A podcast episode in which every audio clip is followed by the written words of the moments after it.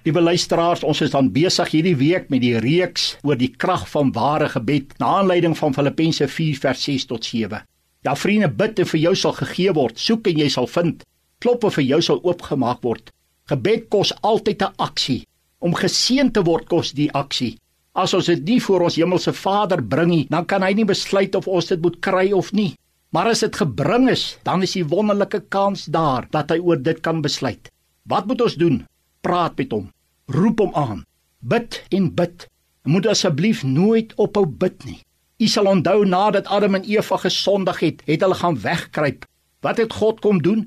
Hy het na hulle kom soek. Hoekom? Om met hulle te kommunikeer. Hulle wou dit vermy om met God te praat. Jy sien, dit is die grootste fout wat 'n mens kan maak in jou lewe, in jou omstandighede, dat jy wegvlug van God en nie meer met hom wil praat nie. Vlug asseblief na God toe. Wanneer ons hierdie roete inslaan wat Adam en Eva ingeslaan het om nie met God te praat nie, dit is wanneer ons lewens nie uitwerk nie.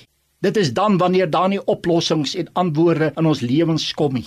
Dit is wanneer ons harde kop raak en dan niemand wil luister nie, want ek luister nie eers na God en praat nie eers met God nie. Daar is nie vrede sonder God nie. Ek en jy het hom absoluut in ons lewens nodig. Daar's nie oplossings sonder God nie. Ons kan nie hierdie uitlaatkleppe wat God vir ons gegee het, juis om ons te verryk, net ignoreer en vergeet en toedruk nie. As ons dit doen, dan is daar gevolge, dan tel ons probleme op. Baie mense vlug tog steeds vir God.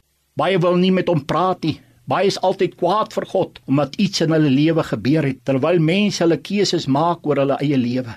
Wat ons eintlik doen, ons draai die suurstof van die lewe toe as ons nie bid nie. God wil nie dat ons net bid wanneer dit sleg gaan of goed gaan nie. Hy wil hê ek en jy moet 'n verhouding met hom hê. Hy wil ons stemme hoor. Hy wil ons harte hoor.